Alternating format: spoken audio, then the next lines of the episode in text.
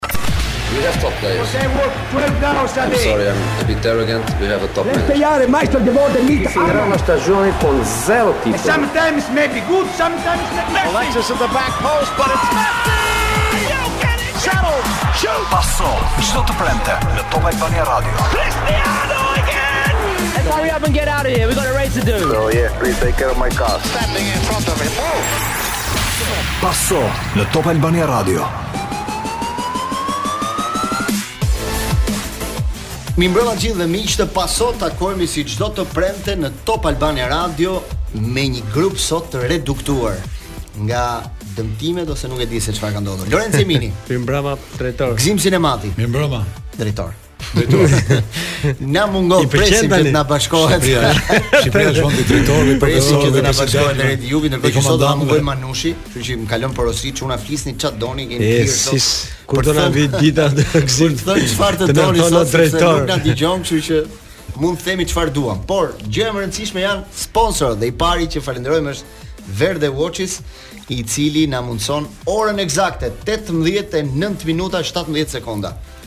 Lorenc Jemini kishte diçka për të thënë për Verde Watches, që mund ta gjejmë në Bllok, në Coin, në Toptani, modelet më të reja, Center, galeria, shitës i autorizuar i markave më të njohura botërore, Longines, Rado, Tissot, G-Shock, Daniel Wellington, Hugo Boss, Festina e plot e plot të tjera. Tani Fjala është për ju. Si ka kaluar kjo javë për Lorenc Jeminin dhe Gzim Sinematin?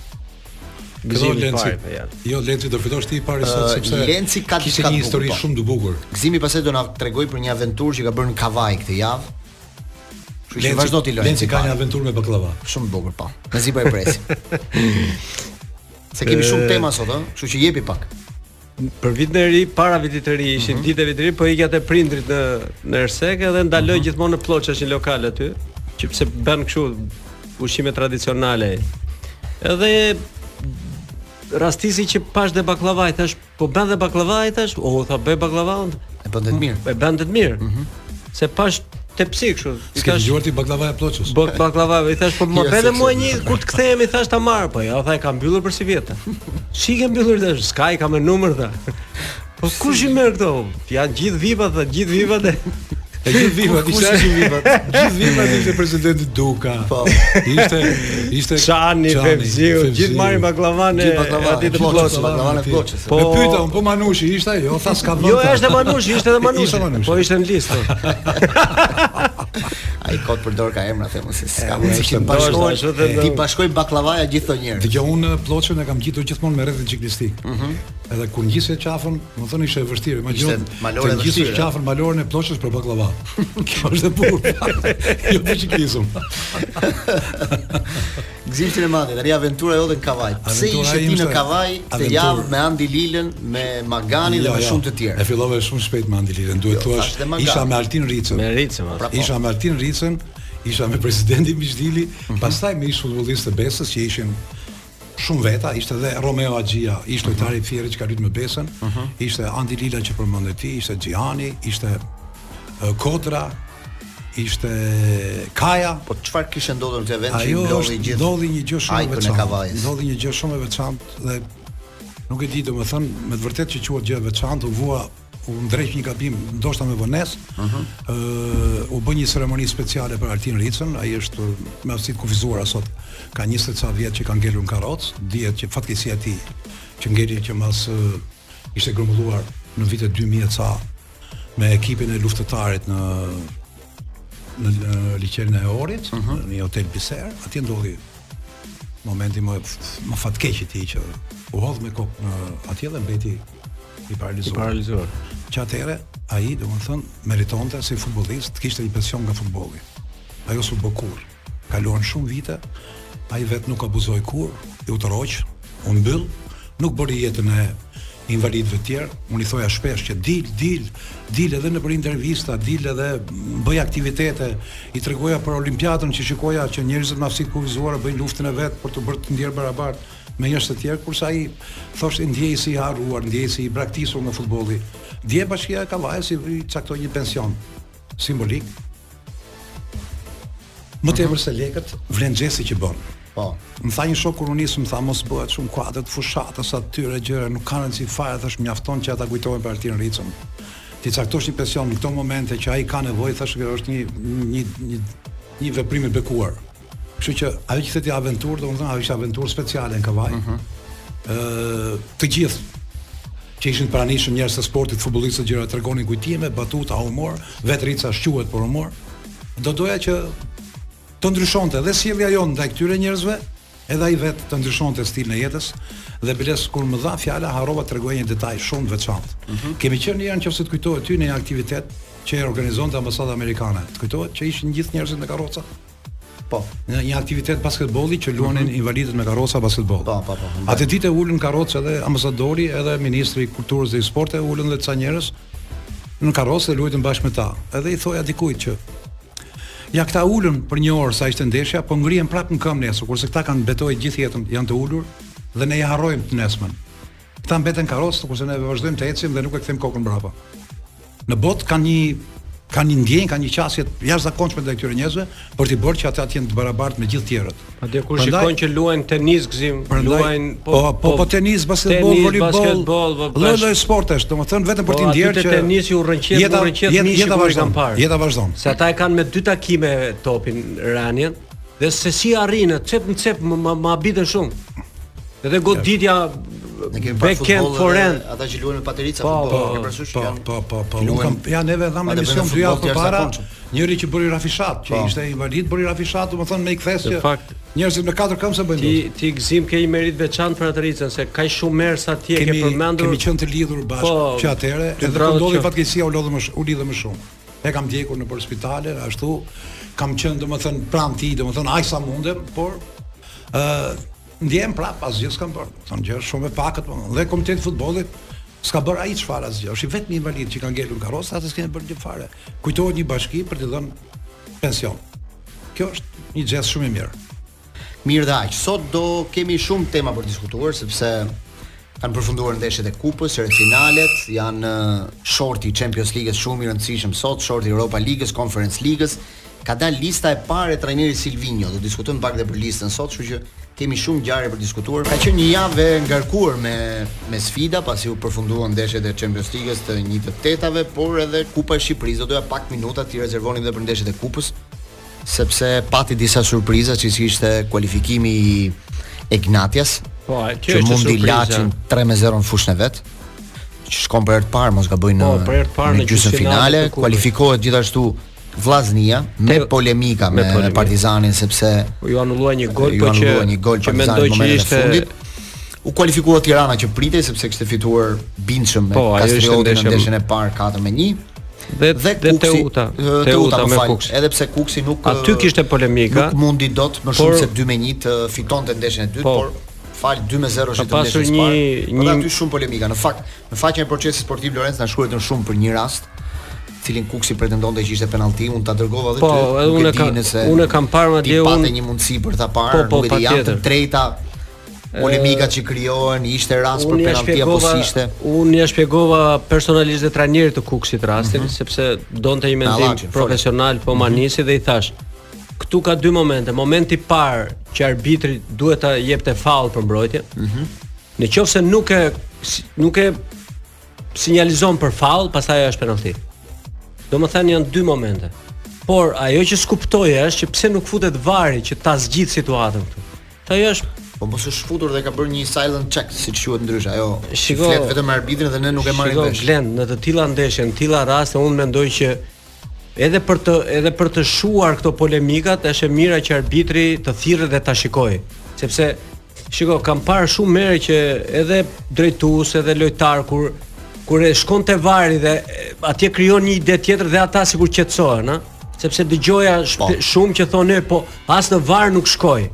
Domethënë, kjo krijon një lloj po nganjëherë njerëzit në stadium nuk e kuptojnë që arbitri flet me varin, se ka po, patjetër, patjetër. Ai flet, e konsumon bisedën. Unë kshu e pashë atë rast, domethënë për mendimin tim ai në hapat në fillim të aksionit është faull për mbrojtjen, sepse lojtari sulmues i vë dorën siç lidhen, mm -hmm. lojtari mbrojtës normal që pastaj ndihet se ai kërkon të fitojë terren. Sepse është loja e sulmuesve që kërkojnë të, të fitojnë terren ndaj. Që vari po ta bënte këtë sqarim. Po shumë e thjeshtë. Mund ta thërres ose të mbaroj ta jap faull për mbrojtjen. Lenci kjo e po. varit ka dhe një gjë, domethënë si si gjest respektues për njerëzit që shikojnë. Patjetër pra këtë. Ai po të këshillohet me ta dhe mos vrapojë fare, njerëzit kanë drejt mendojnë që Eksakt, çdo gjë është pa caktuar në furgonin. Tash pra. Kur shkon shikon atje sa duket sikur merr pjesë në vendimmarrje, edhe pse mund ta kenë vendos tjerët. Po të paktën mjafton të vrapojë drejt Dhe ekranit shiko, për ta bërë parë. Fiks Gzim, këtë po thosha që edhe për t'i fikur këto, shkon e shikon dhe jep faull për mbrojtjen, nuk ka asnjë gjë, si problem. Qoftë se ndalohet loja. Vetëm se më ndodhi një një çudi e madhe këtë javë me varin, se ma kujtoi Lorenci me këtë punën e, e publikut dhe varit. Që s'më kishte ndodhur ndonjëherë në koment këto vitet e fundit paktën tani që është futur vari. Po komentoja një ndeshje Barcelona me Bilbao në po, po kampionat. Po, po, pashë ose të pashë po. Dhe në minutat e fundit ndeshja kishte një intensitet të, që të bënte për vete, se kishte shumë po, ishte shumë agresive, u bë dhe agresive, po, u bë shumë e fortë. Ishte ndeshje shumë e po, fortë. Se të dy, po, se pati po dy. Po ndeshje bukur, domethënë. Dhe goli që bëri Bilbao, që barazoi momentalisht, ishte gol i jashtëzakonshëm, një aksion shumë i po, bukur. I nisur gati gati nga mbrojtja kundërshtare po. deri Po e komentuam ne bashkë edhe po, live-et. Po, po po tani m'u kujtua çështja e varit dhe kur ai shënoi ty si komentator, por edhe tifozët që janë në stadium pati zhgënjim, të merr një lloj entuziazmi për bukurinë që pati goli, po. mënyra se si erdhi, domethënë se dhe ti pastaj në një moment E ul fare atë. Shkrehesh fare. Komplet fare. Si po se e njëjta gjë ndodhi me sulmuesin. Bëri gjithë atë xhiro gëzonte. Po festuan pa fund. Kërcente, pastaj kur ti ndërkohë ke dhënë po maksimumin tënd në atë rast, domethënë ti edhe un po që un jam një gjë shumë e vogël në atë ndeshje. Domethënë ti ke dhënë pastaj bie komplet. Do ishte nuk ke çfarë si e digjesh, por ndonjëherë këto situatat nuk e di se si mund të shmangen me varin, nuk e kuptoj dot. Shiko, ai rast ne e diskutuam dhe live me mesazh, unë të thashë. Ai rast edhe pse i vonuar po është i drejtë sepse Muniain e merr topin me dorë. Po. Edhe pse ajo, i shpejt, ajo që dua të, të, të e shpjegova dhe te procesi që në qoftë se ai faull mm -hmm. do do thyhej aksioni paralel, ë, do do kishte ndërhyrje nga nga kundërshtarët. Do ta merrnin një herë topin ata dhe pastaj do merrnin. Nuk merret parasysh. Mm -hmm. Por në qoftë se mbas atij, se me një pas ai doli para portierit, atëherë po. Sepse ekipi s'ka mundësi të po, pra, të po. vendos. Po shumë e çuditshme. I njëjti rast me me këtë ishte goli Partizanit, u dha gol,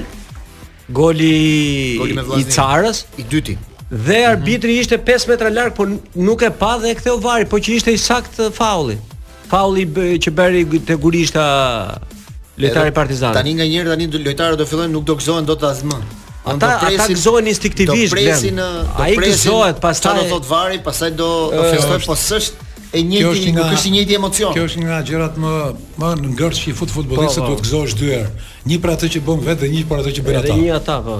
Po dhe intervista që dha Kolela më domethënë pse çfarë sepse ai ka të, i ka si i ka dhe pikante intervistat që kur e pyetën për golin dhe ja nxorën e pa tha bravo tha Bari tha ka vepruar shumë drejt tha po të veprojnë me të gjithë kështu tha. Më pëlqeu tha. Të tha dhe trajneri i Bylisit para një jave që ka forca të fshehura tha forca që po na fshehura, po. po na ndikojnë tha, kështu që. Në fakt, domethënë furgoni po kthehet si kali i Trojës.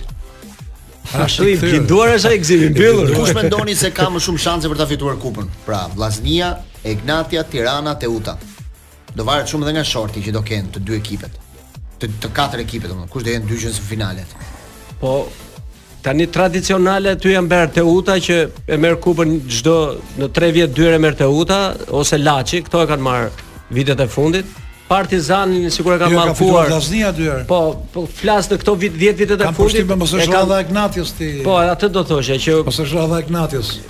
Edhe në formë janë. Edhe ka super. Edhe nuk po i lufton njeri, po i mbështesin biles. Kupa është e rëndësishme sepse ti hyn në në Europë në turin e dytë të Conference League. Në turin e dytë të Conference League, po, po. kështu që për një skuadër që nuk arrin dot në treshën e parë, domethënë Përveç asaj, bëhet shumë e rëndësishme. Ajo është një e ardhur shumë e madhe sepse janë diku 450 mijë euro vetëm nga pjesëmarrja, kështu që për një ekip shqiptar. E dëgjova një histori shumë të këndshme, se Egnatia ka bërë ekip simpatik, futboll luan dhe çdo gjë që ka ndodhur, domethënë, me vërtetë që kemi një kampionat që Ka shumë dyshime gjëra, po Egnatia është një realitet. E luan futboll këndshëm, e dëgjova histori të bukur të njërit, thoshte më përpara thoshte ndalonim në Rrogozhinë për të blerë misër. Tash është bërë Egnatia të fut misrin. Po. dhe për të qëndruar pak më shumë te kampionati shqiptar dhe për të prekur pak ndeshjet e fundjavës që do luhen këtë javë të shtunën dhe të dielën, do jenë dy takime ditën e shtunë, Bylis Tirana, ndeshje shumë e fortë. Erzeni Kukësi, edhe kjo një ndeshje të dyja shumë të forta. Të dyja shumë të forta ndeshjet e së shtunës, ndërsa të dielën do jetë Laçi Vllaznia, Egnatia Teuta dhe në përfundim në orën 16 të dielën do jetë Partizani me Kastriotin.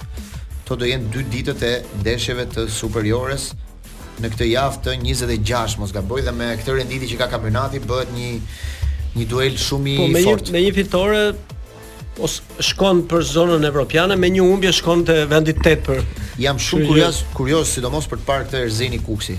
Mendoj që do jetë një ndeshje shumë interesante. Po në fakt Erzeni me ndeshjen që bëri me Egnatian, sepse e pam të gjithë, nuk e di pse për çudi e pam të gjithë. Se ishte tha si tha dhe Gzimi ndeshja më Po jo, e di si është e pam gjithë. E di pse e pam gjithë. E di pse e pam gjithë, e pam gjithë sepse premtonte futboll që po, s'do toleronin. Dakor, po u bë edhe futboll i bukur. Rrallë do të të kesh ndeshje ashtu, që mund ta shikoj edhe edhe Erzeni, edhe Erzeni Kukësi, mendoj që do jetë e njëjta e njëjta skenë, sepse edhe Kukësi këto ndeshjet e fundit se ka vjen mbas 5 fitore vetëm tani, domethënë e 6 apo që u eliminua nga kupa, luan bukur futboll dhe Kukësi, edhe pse Edhe trajneri Llazani dhe lojtarët shumë të acaruar kanë qenë me me me vendimet arbitrare, edhe pse në disa raste ekzagjerojnë, por që është te, te, temë tjetër ajo.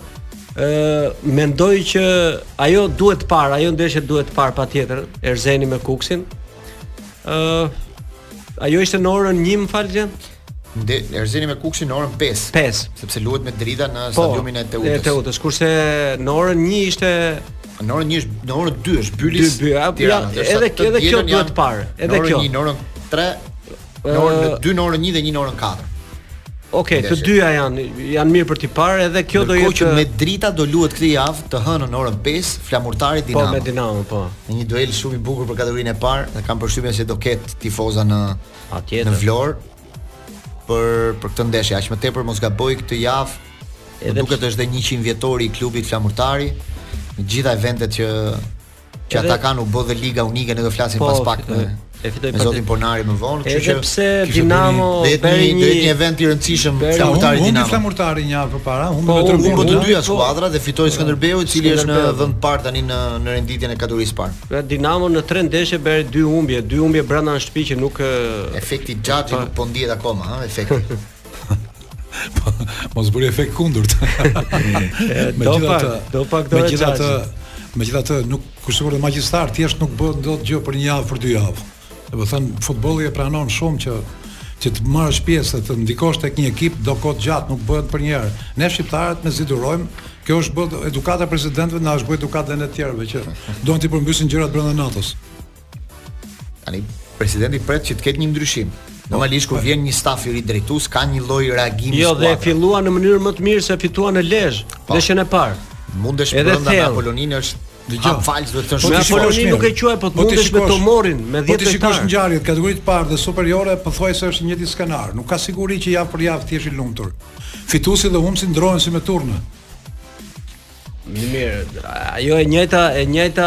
Po, dhe aty ne kemi mendësinë. Kujdesemi shumë për klasifikimin, po, sikur të kujdeseshim më shumë për lojën, sa për klasifikimin, do kishim thirrur më shumë njerëz në stadiume.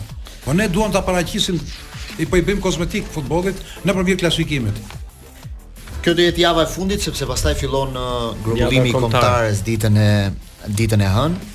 Grumbulla kombëtarja grumbullohet në Tiranë e pastaj do të udhëtojë në fundjavë në në Poloni ku do luajë ndeshjen e parë pikërisht Shqipëria me Poloninë në datën 27 uh, mars. Do jetë Poloni Shqipëri ndeshja e parë e fazës eliminatore.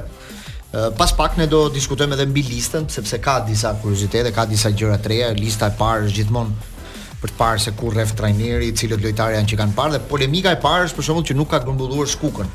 Ishte blerja më e shtrenjtë e kampionatit shqiptar nga me një lëvizje nga Partizani te Metz. Ai nuk grumbullohet, por këtë do ta diskutojmë pak më vonë. Dhe me Ed Sheeran dhe Andrea Bocelli rikthehemi në paso, sepse Gëzimi kënaqet sa herë që është Bocelli apo edhe Jo, po janë zëra shumë të bukur ata. E di ti sa vjeç? Sa vjeç është Ed Sheeran për shembull? E di sa vjeç është? Po them që duhet të jetë një dyzet. Jo, jo, dyzet e ca jo, po një. Te dyzet e ca, e ke rrit shumë moshën duhet. Më duket se aq është. Jo, më mos u ke 29 30. Datëlindja 91, 32 vjeç.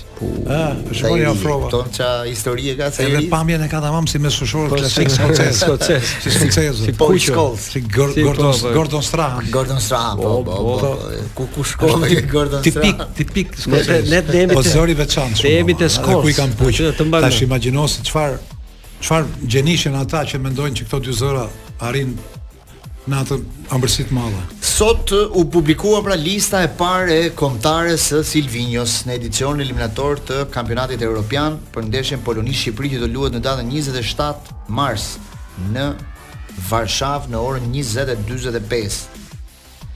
Trajneri ka grumbulluar këta futbollistë në portë. Berisha, Strakosha, Kastrati. Në mbrojtje, Hysaj, Balliu, Ismaili, Veseli, Lenjani, Mersinaj, Kumbulla dhe Hadroj, lojtari i Partizanit. Mesfushor, Laçi, Asani, Jasir Asani, Asllani, Gjasula, Abrashi, Ramadani, Salahi, Bajrami dhe Ameti, Anis, Anis, më fal, Mehmeti, Anis Mehmeti. Dhe tresha e sulmit Çikalleshi, Uzuni, Taulant Seferi.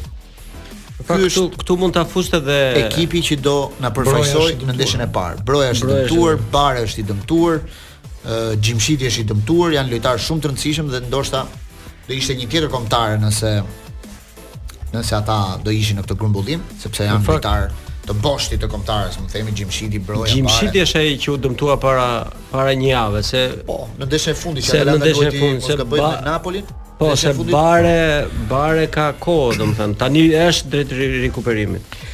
Uh, polemika e parë është në lidhje me Skukën, për shembull. Po, që kishte vend për ta ftuar se tre sulmues ka marrë. Domethënë si si e shikoni ju këtë faktin që Skuka mungon në këtë grumbullim? Po, do të thoja që duhet të ishte normalisht. Duhet të ishte edhe për një gjë, domethënë për të respektuar më shumë. Po, moralisht emrat që kanë dalur nga kampionati. Jo sepse vjen nga Metzi. Kampionati jonë. Sepse aty kemi dy lojtarë. Shiko, aty kemi kemi kemi një gjë tjetër, për shembull ne zumë gojë për Asanin.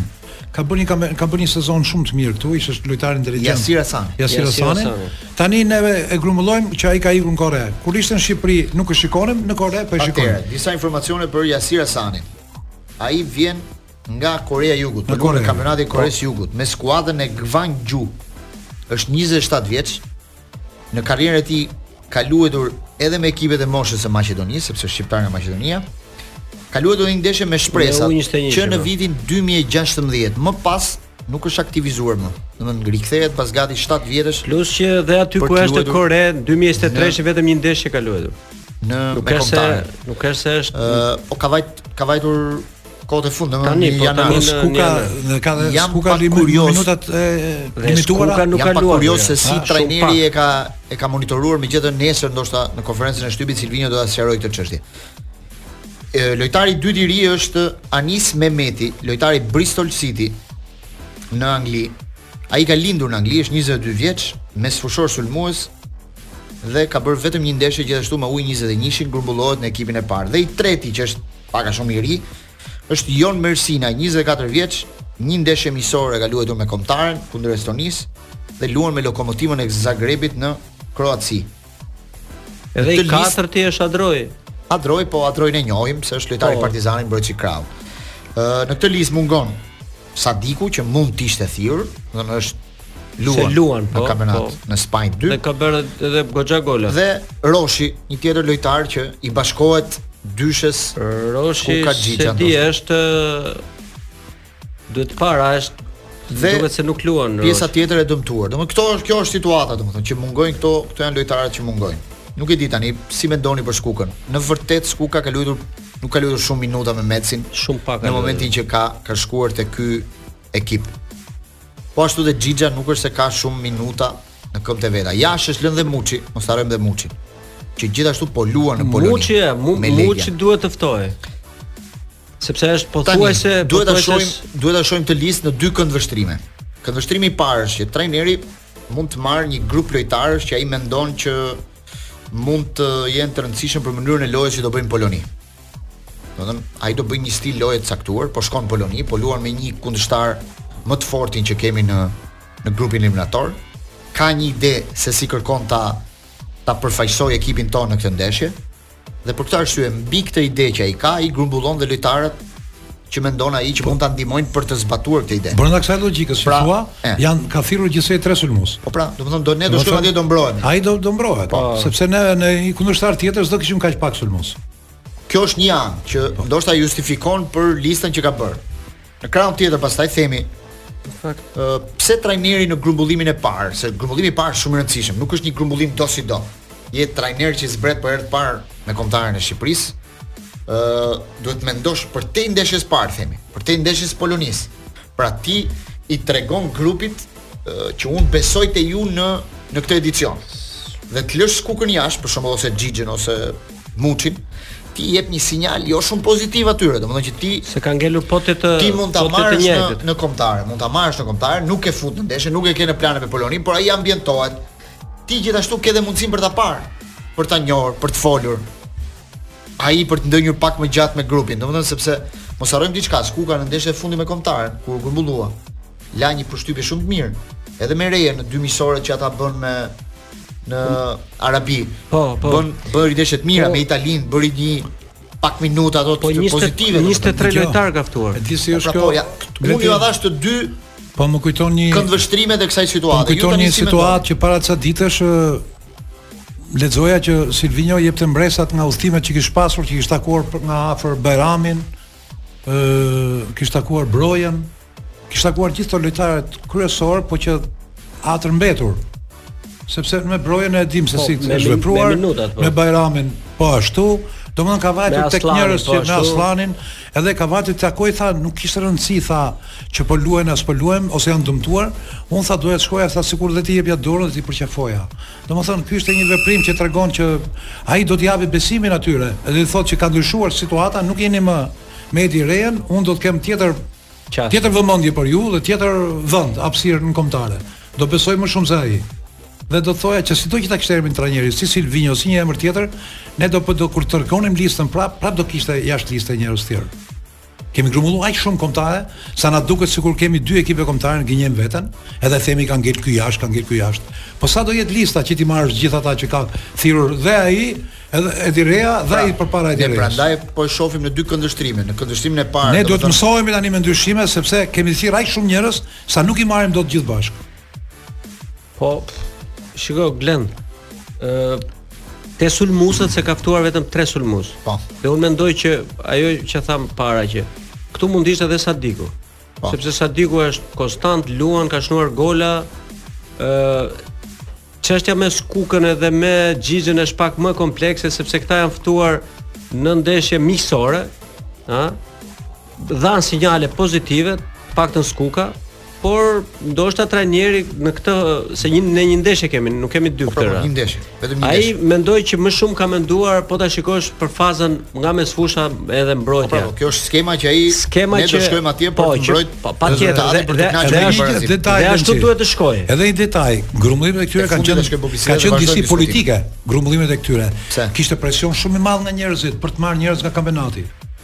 Si Xhixhën dhe si Skukën, ishte presion. Me trajnerin e ri nuk bën dot presion. Me trajnerin e ri nuk bën dot. Jo, jo.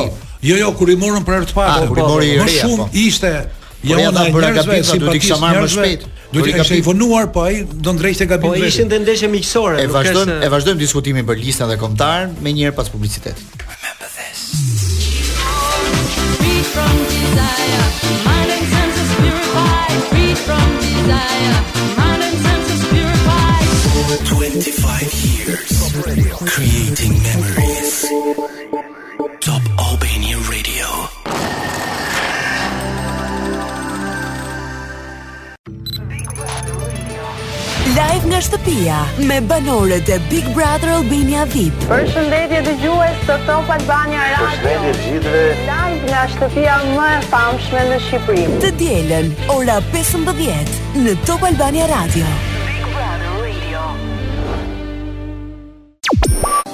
Nëse gruaja e gjeti shtëpinë që do të blejë, hapi i parë u krye.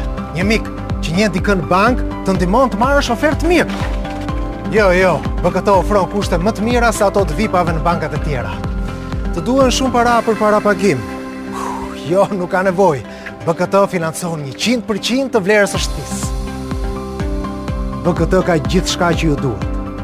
Kredi për shtëpi nga BKT. 100% financim i vlerës së shtëpisë ose transferim i kredisë ekzistuese me interesat më të mira, duke filluar nga Euribor plus 2% dhe miratim i shpejtë. Nxito të përfitosh ofertën më të mirë ndonjëherë për kredi për shtëpi. Në kohëra të vështira si këto, të gjithë kemi nevojë për ndjesinë e një përqafimi. Tylol Hot është si një përqafim, të bën të ndihesh ngrohtë, i sigurt dhe i çliruar.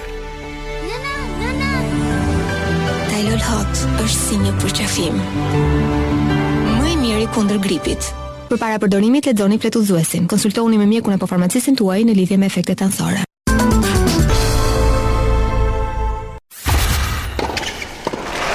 Faso. Në Top Albania Radio. Po diskutonim bashkë me Lorenc Eminin dhe Gëzim Sinematin në lidhje me listën. Lorenc, ta ndërpremë fjalën, më duket po diskutonim diçka mbi Skukën. Ë Do faktin që nuk është ne, Ne do donim faktikisht sepse edhe moralisht për ta rritur sepse ai ishte një nga një nga shitjet më të bujshme në në kampionatin tonë dhe do do duket që ne po e vlerësojmë edhe edhe më lart se sa aq, po që unë personalisht mendoj që momentalisht nuk ka vend për Skukën në kombëtare, sepse po po ftove Skukën, duhet të ftosh dhe Xhixhën. Po ftove Xhixhën, duhet të ftosh Sadiku nuk them se më duket se Sadiku i ka larë duart me kombëtaren sepse edhe mosha dhe aty ku luan, por këta të dy. Po ftove këta të dy, duhet të ftosh patjetër. Mosha tani nuk kam. Po mosha sepse dyshime mbi mbi çështjen e moshës. Okej, okay, dakor. Duhet të ftosh lojtarin në formë, ai ftohet. Ditën që Suedia po grumbullon Ibrahimovicin? Po e di, e lexova. Duhet të ftosh dhe Muçin, Glen. Po, pra, Muçi po, është Muçi ka qenë pjesë e kombëtares. Ka qenë po pjesë, shumë pak, po po luan rregullisht në një kampionat shumë të fortë. Që këta të dy s'po luajnë, as Xhixha as Kuka. Megjithatë nuk duhet ta rëmë ajo ajo që tha Gëzimi që gjithmonë lista do ketë gjithmonë polemika. Se edhe po të ishte për shkak Kuka, po s'do ishte Seferi. Po. po të ishte Muçi, s'do ishte ku di unë. Seferi po luan Mehmeti. Në fakt po, po luan aty ku është, ka shënuar dhe gola kohët e fundit. Por që unë mendoj që prap në Poloni Ka vend për Uzunin dhe për Çikalleshin. As Seferi s'besoj se mund të mund të luajë. Shiko tani, ne nisim tani me një diskutim tjetër, ndoshta një rrugë tjetër diskutimi. Ne nisim një edicion eliminator ku synimet tona janë për t'u kualifikuar, apo jo? Patjetër, e kanë thënë. Si çdo edicion të punë. Si çdo edicion. Rregull pra tani ka ndryshuar faza eliminatore, kualifikohen ne jemi me një grup me 5 ekipe. kualifikohen dy të parat dhe e treta shkon play-off, kështu që mundësitë janë shumë të mëdha. Mundësitë janë shumë të mëdha. Dhe trajneri bën një logjikë, thotë, ndeshjen e parë e kam kundër kundërshtarit më të fortë. Cili është mesazhi që unë duhet t'i jap ekipit tim? Mesazhi është në këtë rast ai po jep një mesazh që thotë unë do shkoj në Poloni të mbrohem. Të mos humb. Të mos humb, të, të, të bëj llogari, domethënë fillon që ndeshja e parë ai bën llogari. Ju jeni dakord me këtë logjikë apo do doni një Dhe krejt normale është. Do doni një Shqipëri që të thotë, jo, jo, jo, jo. Ne po shkojmë në Poloni, po i po tregojmë që ditën e parë që ne vijmë për të sulmuar, jo, jo. për të fituar që këtu, po ti, po, sepse në fund të fundit po ti do ta luash me këto dy kundërshtarë, po kush jemi ne, Gjermania jemi ne. Një logjikë tjetër. Jo, po, jo, ju si do doni, do doni këtë lloj Shqipërie që shkojmë bëjmë llogari mbajmë barazimin dhe vazhdojmë. Patjetër. Nëse nëse Silvinho ka përdorur këtë logjikë që thua ti, Ë? Ne po i themi gjithë ai, alternativat e diskutimit. Ai që ka rrugën e duhur. Olenci. Nëse ne fluturojmë si zakonisht fluturojmë, Ose ne zakonisht themi që në Tiranë ishte ndeshja me Olenci. Edhe në Tiranë do ishte ai prap llogari do bënte. Po patjetër. Jo që të luash në Poloni. Po. Ai e fillon në mënyrë më të keqe. Ai s'e bëri dot një miqësore. Ai ka një orë teorike. Ai domethënë do luajë në Poloni. Ai e shumta ta shofi videon ndeshjen e regjistruar Poloni Shqipëri kontrasti është akoma më i thellë se ajo që di ai në nivel që ky është disfavori i tij. Kështu që mos kërkoni fare. Po. Është krejt është krejt logjike që një trajner do luajë, të kujdeset që mos dështojnë për. Se është dhe i pa i pa po shkel në në në tokë të pa. E vetmja, e vetmja gjë pozitive që ka ai në këtë grumbullim është që do ketë pak ditë më shumë me lojtarët, domethënë nëse më përpara grumbullimet ishin më të vogla 3 ditore ose 2 ditë dhe pastaj ndeshja, uh, ai tani do ketë një 7 ditë të mirë glen, ose le themi një 8 po, ditë të mirë për të për të parë lojtarët nga afër. Jo, të kjo që thua gjë pozitive. Ke fusha, ke fusha e re që është bërë do të stërvitet kombëtarja. Po, atje do stërvitet. Është prapë një arsye po, e mirë. Gjithë kohën kombëtarja ishte larguar nga publiku i vet, nuk ndjehej si e huaj. Ishte bo si ekipe e Super Ligës që shkonin po, merrnin valixhet dhe luanin në fusha të huaja. Mendoj që shiko, Glen, mendoj që ka dhe një fat tjetër Silvinho, përveç këtyre dy dy gjërave që thamë që nuk ka fat që e nis pa një miqësore, e nis pa e nis me Poloninë, e nis atje. Po, po, po. këto i ka gjithë po, në ka ka një kundër. fat hmm. të madh sepse kur kemi diskutuar para një muaji ose një muaj e pak që ishin pa trajner, pothuajse 60% e ekipit kombëtar nuk luanin. Kurse këtë po them muaj një muaj e gjysëm ose muajin e fundit, pothuajse të gjithë pjesa e formacionit përveç portierëve, që kjo është pika jonë e dobët për momentin se janë të dy në stol dhe nuk luajnë fare, madje Strakosha vjen edhe nga dëmtimi Ndërkohë që Berishën nuk e llogarit fare Torino e ka hequr nga dhe nga stoli. Është Elan Kastrati që luan në Serie B, që luan është konstant, nuk e di a mund t'i besojë atij. Kurse pjesa tjetër, mbrojtja me Hysën, me Ismailin, mungesë e madhe Gjimshiti. S'ka rënë Bilbili, Bilbili, ja bëj kujdes. Domthonë shtrëngove pak diskutimin. E vazhdon. Okej, okay, pra. me mbrojtjen që uh -huh. themi është e konsoliduar, me mesfushën po ashtu dhe sulmi që është në top form, kështu që në këtë Kjo është një pikë pozitive. Them është pozitive kjo, se okay. mund të ishin dhe ja te sulmi dhe në stol që është në top form, se një lojtar kryesor. Sulmi do ikim me po edicion informativ ti se nuk ju bëhet goja për po kombëtar. Ne rikthehemi menjëherë. Po çikalleshi po shumë në 19 e pak po minuta prapë në kombëtar.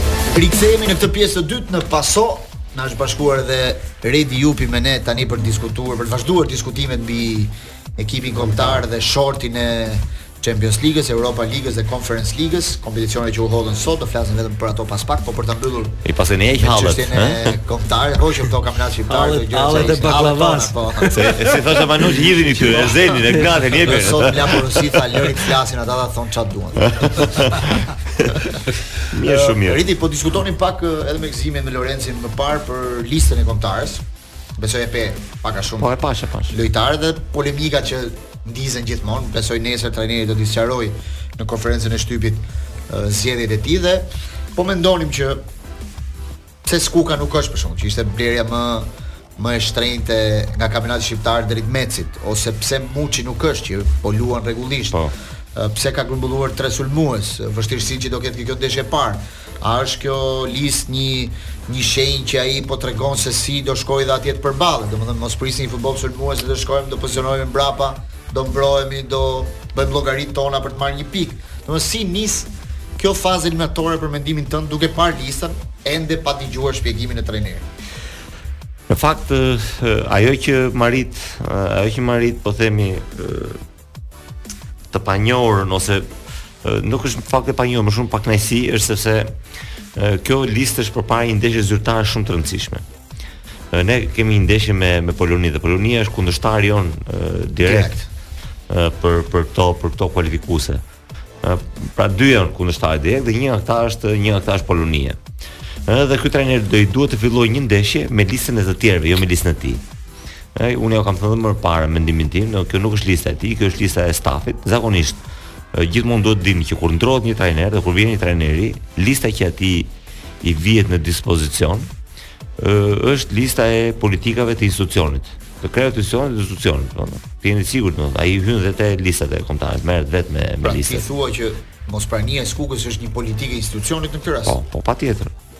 Kjo është, këto janë, dhe unë i kam, unë i kam përjetuar vetë, edhe qenie në, po, listë me trajnerë ekzistues, Dhe mosqenie në listë. Në krahun tjetër, dëgjoj, edhe mosqenie në listë. Domethënë në momentin që ai u shit. I ka provuar në dy pozicione. Edhe mosqenie në listë. Nuk ka qenë trajner. Me me me trajner të ri, e kupton pra. Thjesht po ju bëja një institucion është e pamundur sado i zoti, sado i zoti të jetë Mourinho, sa çfarë kapaciteti ka ai për të marrë Silvinho, më fal. çfarëdo kapaciteti të ketë ai për ta absorbuar informacionin për një kohë kaq të shkurtër dhe një informacion overloaded me informacion që mund të vijnë nga të gjitha anët ai vetë çka ka marrë, çka ka parë etj etj. Është e pamundur që ai të bëjë një listë e cila të jetë jashtë shijeve të institucionit. Pra ata do imponohen me shije dhe me po- politika të tyre. Është edhe për informacionin e pakët që ka. A mund të ketë një po, përqindje kjo? Po të marrë informacion. Ai mund të ketë një përqindje. Kjo është kjo që thua ti situatë ideale, që ai E merr informacionin vetë dhe e bën listën vetë. Nuk ndodh më, për fat të keq nuk ndodh. Redi, po sikur Por problemi është që kemi ndeshje zyrtare dhe mua këtu më vjen keq. Ky kjo ishte fatkeqësi. Se po të kishim, po të ishte një ndeshje miqësore, do ja mbanim edhe këtë po. listë të bërë nga ata se hajde tani jo. se kemi mbajtur kemi 20 vjet që ça s'mbajmë në kurriz, po themi. Mund të jetë për shembull me përqindje, që 1% për shembull them 70% është institucioni që sugjeron pa diskutim. Po. E tridhjetë për qind janë shijet dhe dhe, ato detyra që ai do ose ajo kërkesa që ai ka për ndeshjen e parë. Më shumë, më shumë, më shumë të ndarë kështu duhet ndarë në në lojtar të domosdoshëm ose lojtar të cilët janë siguri dhe garanci, çfarë mund të them, ku diun. Po ato besoj përkasin dhe listës jo. që mund t'i po, pra, japë. Po janë janë disa lojtarë, po janë disa po, lojtarë që ti nuk vetëm, për shembull, që ai mund të ketë takuar gjatë gjithë kësaj periudhe. Nuk besoj. Dije unë s'dua të përmend emra, po shikoj aty lojtarë që janë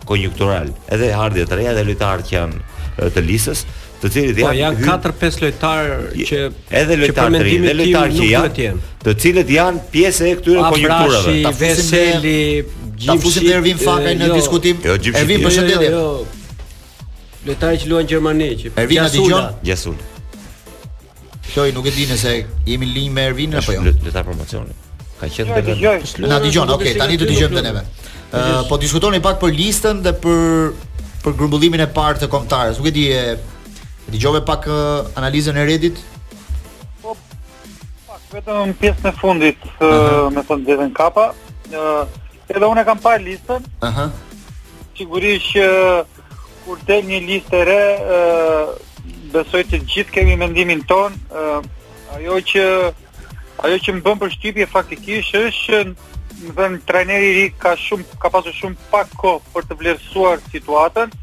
Dhe ajo që më bën përshtypje është që në logjikë kam përshtypjen çdo trajner i ri të paktën për ndeshjen e parë do bazohej Te katër pesë ndeshjet e fundit të ndeshjeve paraardhëse, ndërkohë që shoh shumë shumë ndryshime të të çuditshme, në për, për opinionin tim gjithmonë sepse uh -huh. uh, nuk nuk di tani uh, ku është bazuar trajneri në këto ndryshime kaq të mëdha dhe aq më tepër ajo që më bën përshtypje është në mungesa e ndonjë lojtari i cili uh, Ka shumë vite që luan aty, ë edhe edicionin e kaluar ka pasur goxha kontribut. Po se ke fjalën për Roshin, Fakaj. Po pikërisht, pikërisht me që me atë kemi bërë shumë eksperimente. Për shembull ai trajneri tjetër që iku e çoi deri mbrojtës djathtë dhe pastaj u u fajsua.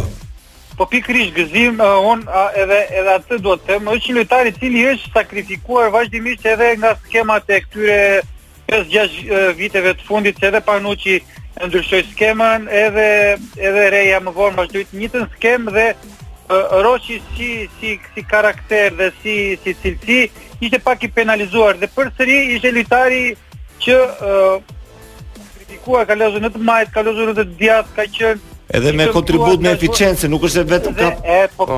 pikërisht pra, pikërisht atë atë jam duke thënë. Si vjet. Është ka qenë ka jo, qenë një lojtar, ka qenë një lojtar i cili të paktën ë ë gjatë gjithë periudhës ka ka pasur një jo, stabilitet edhe edicionin e fundit, duhet të thënë që ka qenë lojtar më kontribuues edhe kur ka edhe kur është futur Edhe kur ka luajtur nga minuta e parë, domethënë përveç se ka dhënë maksimumin, ka dhënë 100% edhe ka qenë dhe eficient. Domethënë është lojtar i cili ka përshtypjen me karakteristika që ka neve gjithmonë ja kemi nevojën, sepse nuk kemi.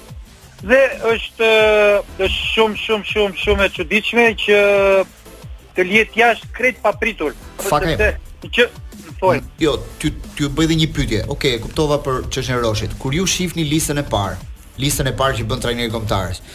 Ju mendimi i parë që ju vjen në mend, ai listën duhet ta bëjë në favor të ndeshjes që ka përpara, domethënë duhet të bëjë një listë me lojtarët dhe skemën që do aplikojë në ndeshjen e parë, apo listën e parë ai duhet ta bëjë për të treguar pak edhe kush është ekipi që ai do ndërtojë në gjithë rrugëtimin e tij në këto eliminatore.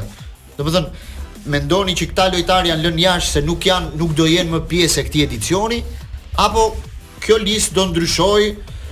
Nuk është ky grupi që ai do përballojë gjithë eliminatoret, ky është vetëm grup për ndeshjen e parë. Ai nuk do ta zgjerojë sepse nuk do të mbajë shumë lojtarë në në grumbullim. Domethënë, si e shikon në aspektin e përgjithshëm? Faktikisht është shumë e vështirë për ta kuptuar për vetë faktin që ë trajneri ka shumë pak kohë, nuk është është totalisht i i, i ri për ne, është i paprezantuar gjithashtu edhe edhe për, edhe në në skemën e, e tij të, të trajnerit, domethënë nuk nuk s'e njoh.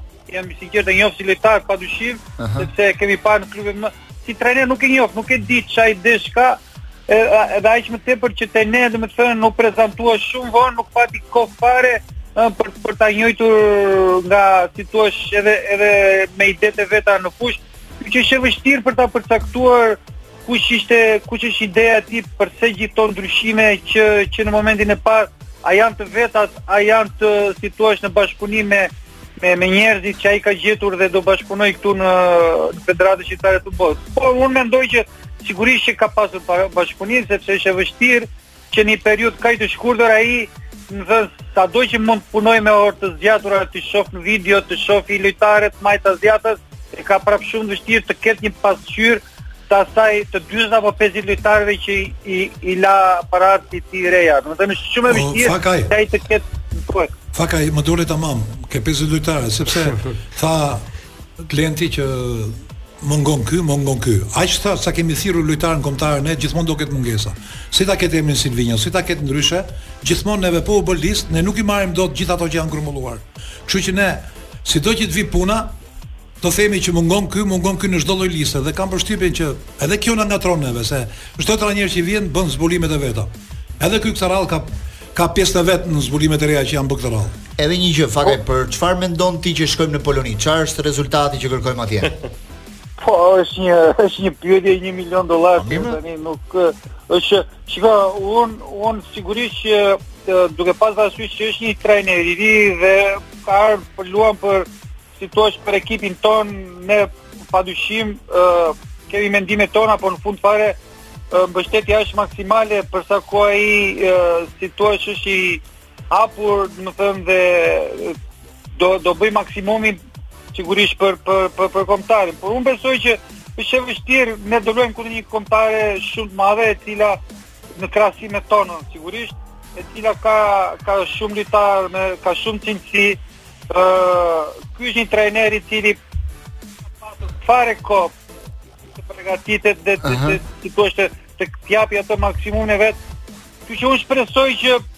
me pak fat të të të, të shkojmë me për, për një rezultat pozitiv, por që po, që të jem realist un e shoh shumë të vështirë, e shoh uh, maksimalisht të vështirë. Okej, okay, të falenderojmë Fakaj për këtë ndërprerje. Ora eksakte është 19:18 minuta dhe është momenti për të falendëruar Iute Credit. Tani duhet t'ju flas për këtë kompani e cila gjatë muajit mars do të mundësojë të blini pa paguar. IutePay organizon lotarinë e saj të fatit ku klientët mund të marrin pjesë duke bërë një blerje me këste në partnerët e IutePay Nga data një deri në datën tridhjetë e një mars, fituesi do të marrë mbrapsht të gjithë vlerën e produktit që ka blerë.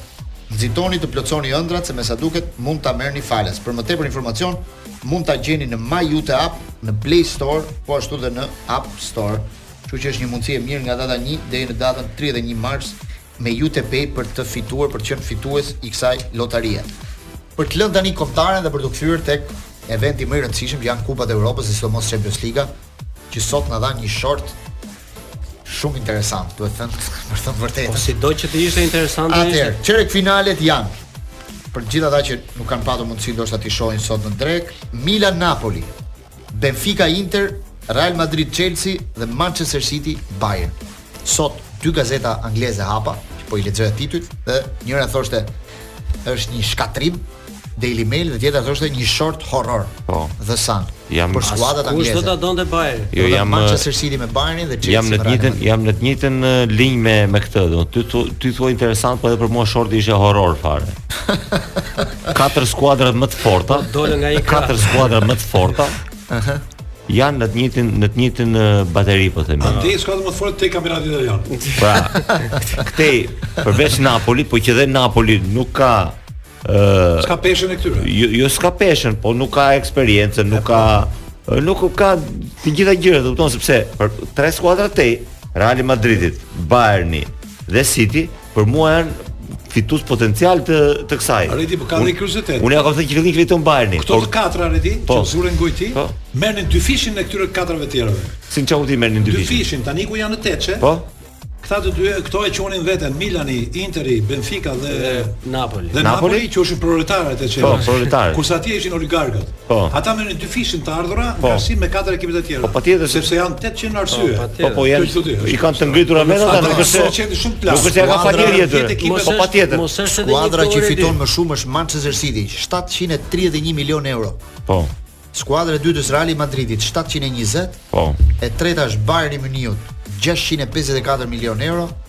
dhe e katërta është Chelsea. Po. 568 milion. Pra katër ekipe që përplasen me njëra tjetrën. Po, e keni parë se te këto të trejat, un Bayernin e, e shikoj fitus potencial. City nuk ka nevojë sepse e, e kuoton gjithë bota si fitus, po për mendimin tim po përballet me skuadrën më të fortë të të këtij edicioni. Real Madrid është një skuadër që e fiton Championsin kur ty sta merr mendja fare. Do të është është e çuditshme se si nënvlerësohet edhe edhe në edicionin e kaluar dhe në edicione të tjera. Pra prapë është një skuadër që në ndeshje të caktuar një skuadër prapë shumë e madhe, 5 me 2-shi që kam atë. Po. Kurse Chelsea për mendimin tim është në të ardhmen, por e ardhme mund të jetë dhe tani, se mund të zgjohen dhe mund të lidhen ata të gjithë atje, do të thënë me të fjetur. Joao, Joao Felix me me me me me Mudryk, me gjithçka ka Chelsea, gjithë këta lojtarë të mëdhenj që ka aty brenda, pra katër skuadra shumë të forta, të cilat janë të gjitha nga kjo anë. Dhe nga ana tjetër janë katër hirushe, po themi nëse nëse mund të thuhet Napoli, po duhet me qenë i kujdesshëm kur thua Napoli. Napoli dhe Benfica janë konsideruar si skuadra që kanë bërë futbollin më të mirë.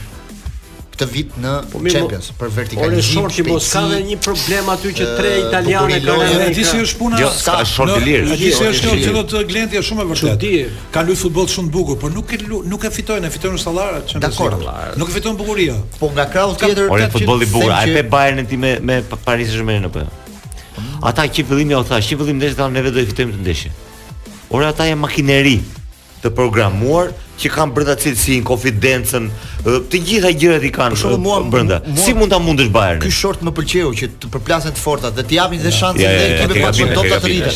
Shumë i padrejtë. Unë do doja ato të katra andej të mund të përplasen me këto katër këtej. Ai do ishte short. Kështu është. Që po të pra. që po ti eliminoj ti eliminoj një ditë do të ndeshësh më të fortë. Pëlqeu në Napoli, bënë intervistë. Bënë intervistë me figura napoletane, më pëlqeu se 6 nga 10 veta thanë Në qoftë se ne duhet të provojmë sa na vlen lëkura, do të luajmë me Realin, të luajmë me Cityn, të luajmë me këtë. Po. Nuk kishin qejf që të të zgjidhin të pjesën këtej nga i solli fati.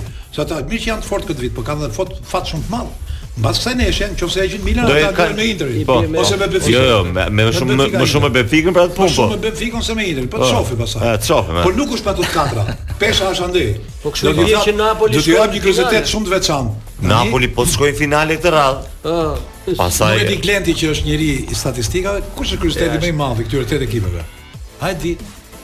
Që jo. që nuk ndodh ndonjëherë që një trajner që ka dalë ka ka qenë trajneri i pesë ekipeve në tetëshe. Ancelotti, Ancelotti, Ancelotti po. me pesë ekipe këtu. Vetëm tre ekipe s'ka pasur. Ai ai s'ka pas Benficën, s'ka pas Interin, Po ka kohë, ka kohë dhe për atë. Ka kohë dhe për jo, atë. Jo Napoli ka qenë. Me Napolin ishte dhe ka qenë. Ai nuk ka qenë me Benfica, me Inter, me Benfica, me Inter dhe edhe me Manchester City. Edhe me Edhe me Manchester City me ato tre apo. Po të ketë kohë do i do i ketë këto. Që nga viti 1990 që shtatë ekipe italiane nuk kualifikoheshin në çerekfinalet e kupave të Europës. Po herën e fundit kishte ndodhur në 90-ën. Është rasti. 33 vjet. Është rasti. Rastësi po nuk është nuk jo, është trend, nuk është trend. Spanjolle ti. Ju them pak se që se vjen anglezët. Kush ishin skuadrat e kualifikuara në atë vit? Se është shumë ishte. Anglezët janë futur katër gjithmonë. Ishte pak interesante kjo e këtyre. Në 90-ën ishin kualifikuar Milani në Champions League, se kualifikohej vetëm një po. skuadër. Në Kupën e Kupave, Juventusi dhe Sampdoria. Po. Në Kupën UEFA, Atalanta, Bologna, Interi, Roma. Po. Në çerekfinale. Po. Në vitin 2001 vjet kanë qenë 6. Po. 6 skuadra. Po edhe vjet 6 mirë kanë qenë shumë mirë. 6 skuadra. Ça do me thënë?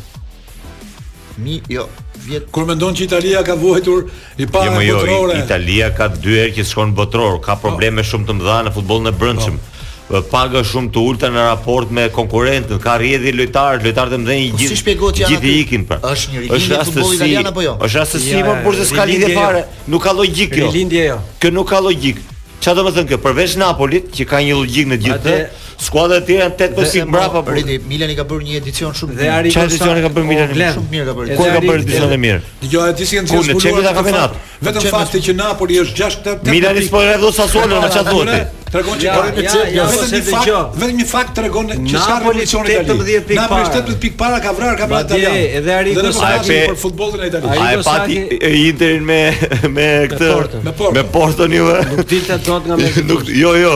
Në 10 minutat e fundit janë luajt brenda 16-shes së Interit. Bjer topin shtyllë prit portieri bjeri kok. Nuk ishte. Jo Interi me Porto. Porta me Porto. Edhe edhe edhe Arrigo Sacchi ishte shumë kritik me ekipet përveç Napolit. Edhe me Milan dhe po, me Interin. Ne dimë që Napoli bën futboll mirë tani. Po jo, po edhe ashtu si u kualifikuan që për Milan i tha, thoshte që bëri një mrekulli me Tottenhamin që nuk është se bëri ndonjë ndeshje, po tani Milan i ka ardhur shansi në dorë. Besoj. Shansi në dorë. Nga skuadra që mund të gjente përball, Napoli ishte më e mira. Mund të themi të vërtetën. Mund të gjente Benfica, po prapë. Mund të gjente Interin. Po, po Interi derbi situata ndërlikohet pak po, aty. Po.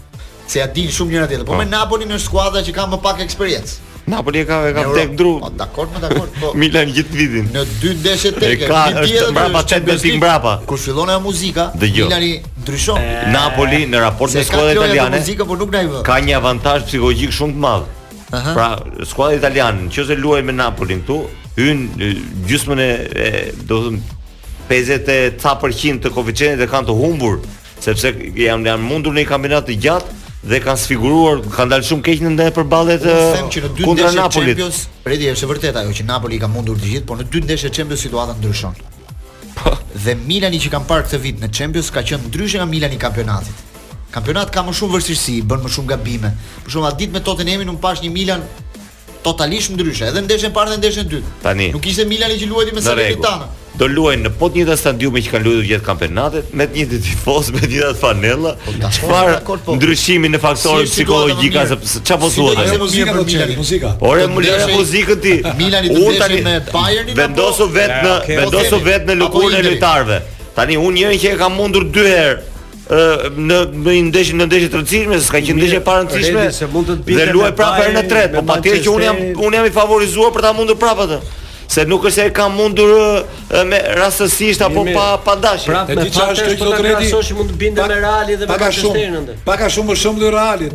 Që vit për vit nuk mendohet, po shkon atje dhe diçka ka brenda, është e rrënjosur. Po, ka thënë në ADN fitoren e Champions League. Mënyra se si luan. Po ka të cilësi e gzim. Duke parë, duke parë ju këtë situatë që kanë që ka shorti pra rrugën që do ndjekin dhe kundërshtarët që kanë. Kush mendoni sot që është skuadra më e favorizuar për ta fituar Champions League? Napoli do ketë probleme sepse Do të thotë jo, më bën një renditje. Bayern për mendimin tim tre skuadra që mund ta fitojnë këtë vit. Bayern i pari, po. Janë nja dy vende bosh, pastaj vjen City me Real. Nja dy vende bosh. Unë do fusja edhe Napolin këtu, po. po prit, i ke jeni po këtu realisht sepse jemi në radio, jemi shumë të çlirë këtu për të folur dhe Manushin s'e kemi se të markon ai një për një. De Laurentiis është njeri kundër sistemit.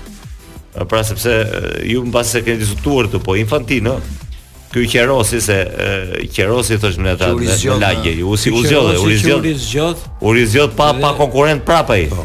Pa konkurrent fare. Pra domethën e keni parë atë dokumentarin e zviceranëve apo dhe Netflix të gjitha me radhë se çfarë, sidomos ai i zviceranëve. Pra për këtë që zgjidhet pa konkurrent. në institucionin më të rëndësishëm botëror në më të rëndësishëm që që që që xhiron gjithë ato fonde, organizon një një një lojë kaq të madhe me interesa kaq të mëdha dhe nuk del, s'ka asnjëri që të ketë dhe ai dëshirën për të qenë konkurrent të paktën. Në vend që të ishin 20, nuk del asnjë tjetër. Pra, dhe De Laurentiis ka qenë kritik me këtë. Mbështetës i Putinit. Ka qenë kritik, po e di më çfarë. Shumë pak se ata të të zhysin, ata të vdesin. Pra, ka thënë që jo, jo. është një institucion mungon demokracia, tha, mungon demokracia në këtë vend, tha, dhe ka një shpërndarje shumë keq të të ardhurave. Pra, kaq. Jo, jo, jo, e ke gabim Redi. Kam parë intervistën partia të De Laurentiis, po? e mbyll në pyetje për FIFA-n, thotë, shkoni shikoni filmin në Netflix dhe çfarë bëhet me miliardët e futbollit. Po, pra, Ku po? kanë shkuar dhe çfarë kanë bërë ata? Po. Do të thotë kjo i vë përpara gjithçka e. Bles ishte një koment për Juventusin. Thoshte njëri me imagjinat, tha, po inshallah do zoti dhe ta fitojë Juvja, tha. Të mundi ekipet me radhë, tha. Të shkojë, tha, Ceferini, tha. T'i vare medaljen, tha. Do i dridhen duart, tha. Nuk i shikon dot me sy, tha, as futbollistët e Juventusit, as drejtuesit e Juventusit dhe Juventusi të marrë trofeun nga duart e tij dhe të vazhdojë punën për Superligën. Për Sepse për futbolli është i përçarshëm. Për për Superligën e Madhe. Për Europa. Po. Ë, në fakt po lexoja Meqë u zgjodh Infantino dhe po e përmendni tani, po lexoja pak edhe historikun e këtij se qenka poliglot flet shtat gjuhë të huaja. Po. po ajo që më bëri përshtypje të madhe është po se pesë i flet dhe peço burrë po. Zvicër aty. S'ka çfarë të po, bësh, është vendi. Ajo që më bëri përshtypje Glenda është që është i martuar me një me me me grua libaneze, ka katër fëmijë, katër vajza dhe jetojnë në Katar. Po. Me gjyshërit.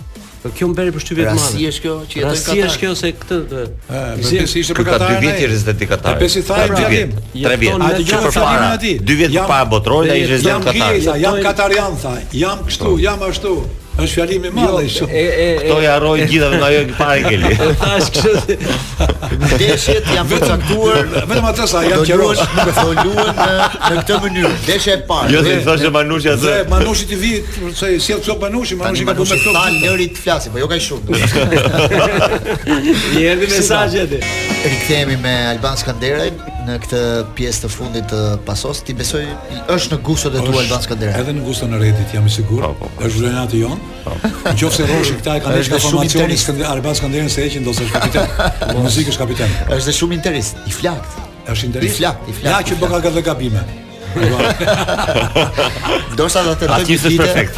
Do sa do të tentojmë një ditë të bëjmë një lidhje kur të jetë dueli ndoshta me Benficën afër, kur të të jetë ndezur pak situata. Ka një detaj të bukur Glendi, ha. Milan Napoli do flekan bash dy javë. Tregoj Glendi? Jo, na shkruan, më shkruan një koleg i imi, thot uh, Redi tre që po pa ditur thotë që një ndeshje ka bërë Napoli me Milanin, pa po. Në San Siro domethënë.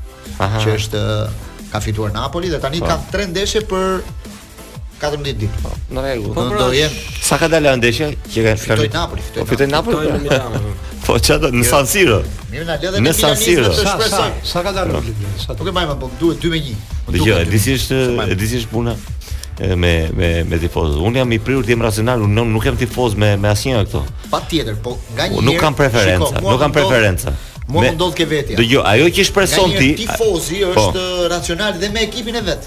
Domethënë ai shef vetë të mira dhe të këqija të ekipit vet. Nuk është është është pak e vështirë, është pak e vështirë ajo që të ndodhë.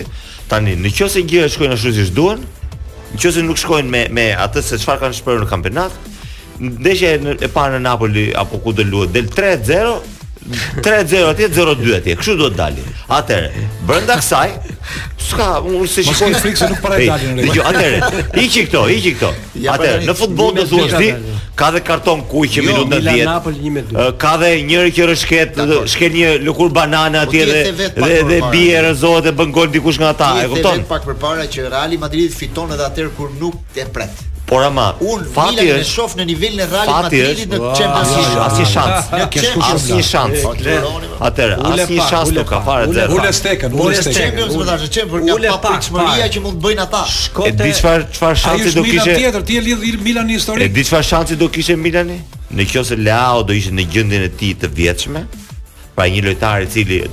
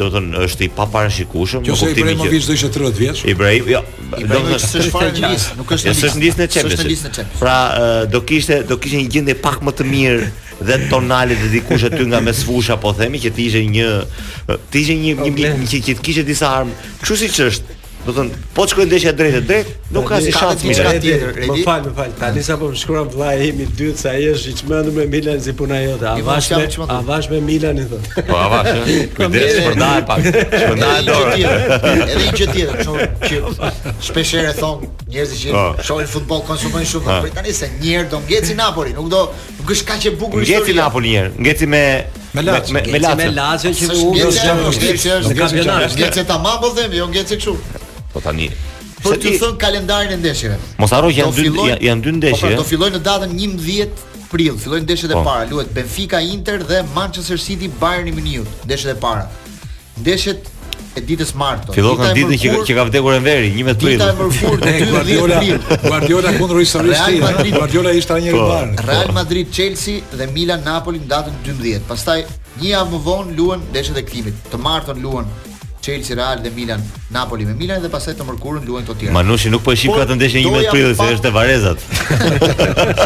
Doja pak të diskutoja edhe në lidhje me shortin e Europa Ligës. Ai. 11 prilin e ka Champions.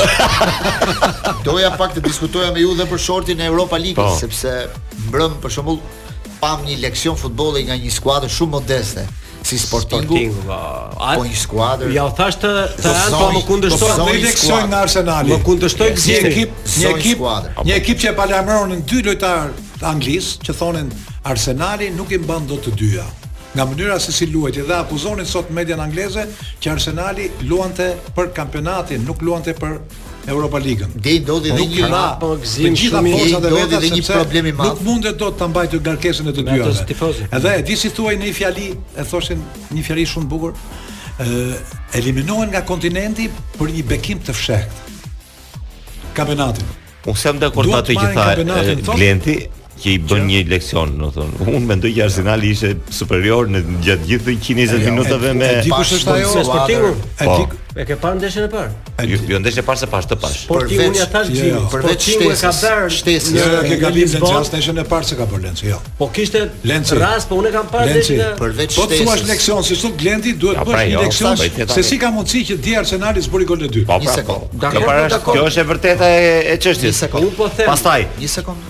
Ah, se s'ka mbaruar historia. Po. Historia është kështu.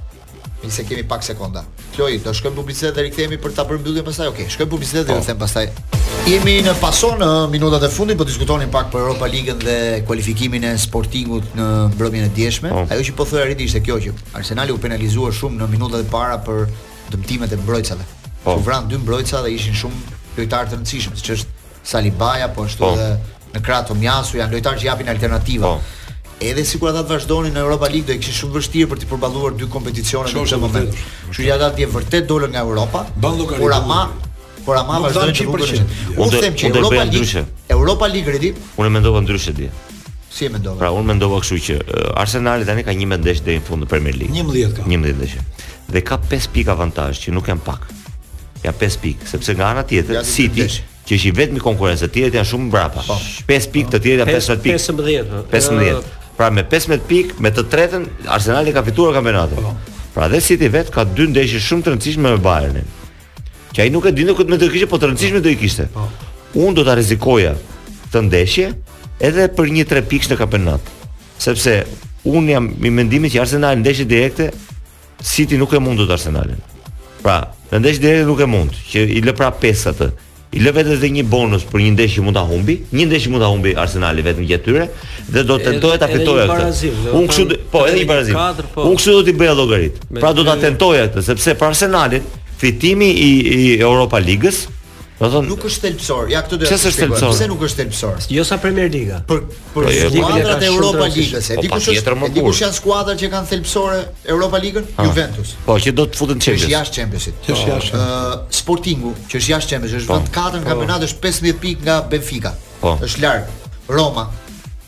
Po. Fejnordi. Roma nuk e di si e ka situatën Fejnordi në kampionat. Po. Pestesh, po. po Roma e siguron me atë, domethënë po. për këto skuadra janë Leverkusen, Unioni, skuadra belge. belge. Domethënë për këto skuadra është e rëndësishme fitorja e Europa Ligës me forcë. Kështu Manchester United ka siguruar është vend i tretë në kampionat. Dëgjo. Po ti e shef, ti e shef kështu. Jo, mirë. Për Artetën dhe për një skuadër që ka shumë vite që nuk fiton, sepse analiza dje që bëri Fitimi Europa Ligës do ishte gjë shumë e madhe. Më në fund erdhi një ndeshje europiane e denjë në po, stadiumin e Duket redi se ky po. ekip kishte nuk i mban të dyja. Po të shikosh edhe stolin e Arsenalit, po ka një lloj disniveli ka pesë pikë diferencë, është vërtetë. Dhe kur shikoni që vjen shpëzim dhe kur shikon stolin e Bayern, po stolin e City dhe sa në 5 pikë. Dje ndodhi dhe një fenomen shumë i çuditshëm, në ndeshje, nuk e di nëse e pe ndeshjen. Në një moment filloi një shi i rrëmbyer. Po. Ça ndodhi në tarracën e Emirates Stadium, pati një problem dhe rridhte uji si ujëvarë. Ra në një sektor, dhe në atë sektor ishin tifozët shqiptarë. Ti kishin varë një flamur atje. U çuan të gjithë dhe ikën. Ça fati i keq. Në gjithë stadiumin shiu ra aty ku ishin shqiptarët. Ishte shumë. Bekuar jemi, bekuar. E kapi kamera në moment ku çatia ishte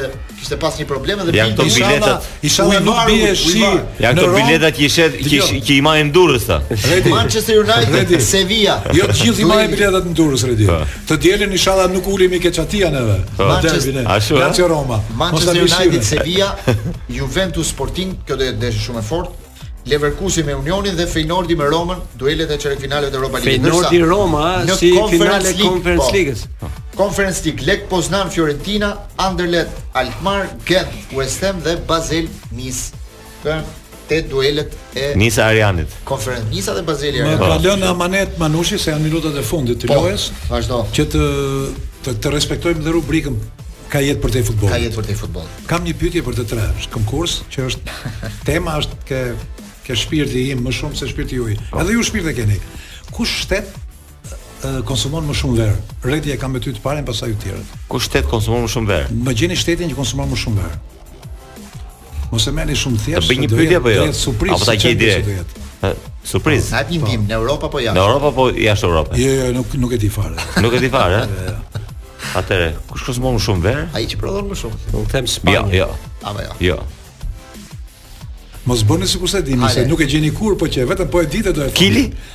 Jo. Vazhdo. Shteti i Vatikanit. Vatikani. Vatikani. Janë më pak se 900 banorë. Aha. Kardinalë.